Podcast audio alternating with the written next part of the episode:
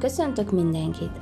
A podcast sorozatom első részében olyan általános fogalmakat fogunk megismerni, melyek elengedhetetlenek lesznek az elkövetkezendő podcastek teljes körű megértéséhez. Elsősorban szeretném tisztázni, hogy mi is az az onkológia. Onkológiának azt az orvostudományi szakágat nevezzük, mely a jó és a rossz indulatú daganatos megbetegedések diagnosztikájával és kezelésével foglalkozik. De vajon mi is az oka ennek a betegségnek? A rákos megbetegedések okának tekintik a közhitben az öröklődést, illetve bizonyos káros szokásokat, míg ez a való életben nem így van. Fontos tisztázni azt, hogy ezek hozzásegíthetnek a rákos megbetegedések kialakulásához, viszont az nem bizonyított tudományosan, hogy ezek okoznák.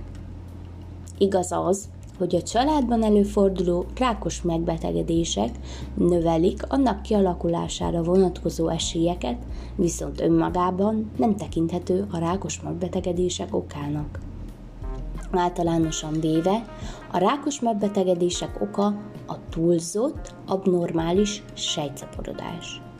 A daganatos betegségeket többféleképpen is osztályozhatjuk mint például a szerint, hogy honnan erednek, vagy hogy hol helyezkednek el. A podcast sorozatomban a sokféle ráktípus közül bővebben a leukémiáról, a ményakrákról, illetve a merrákról lesz szó. Egy másik fontos fogalom az onkopszichológia, mely egy olyan ága a pszichológiának, ami igyekszik feltárni a pszichológiai és a szomatikus problémák kapcsolatát, és felhasználni ezt a tudást a gyógyítás folyamatában.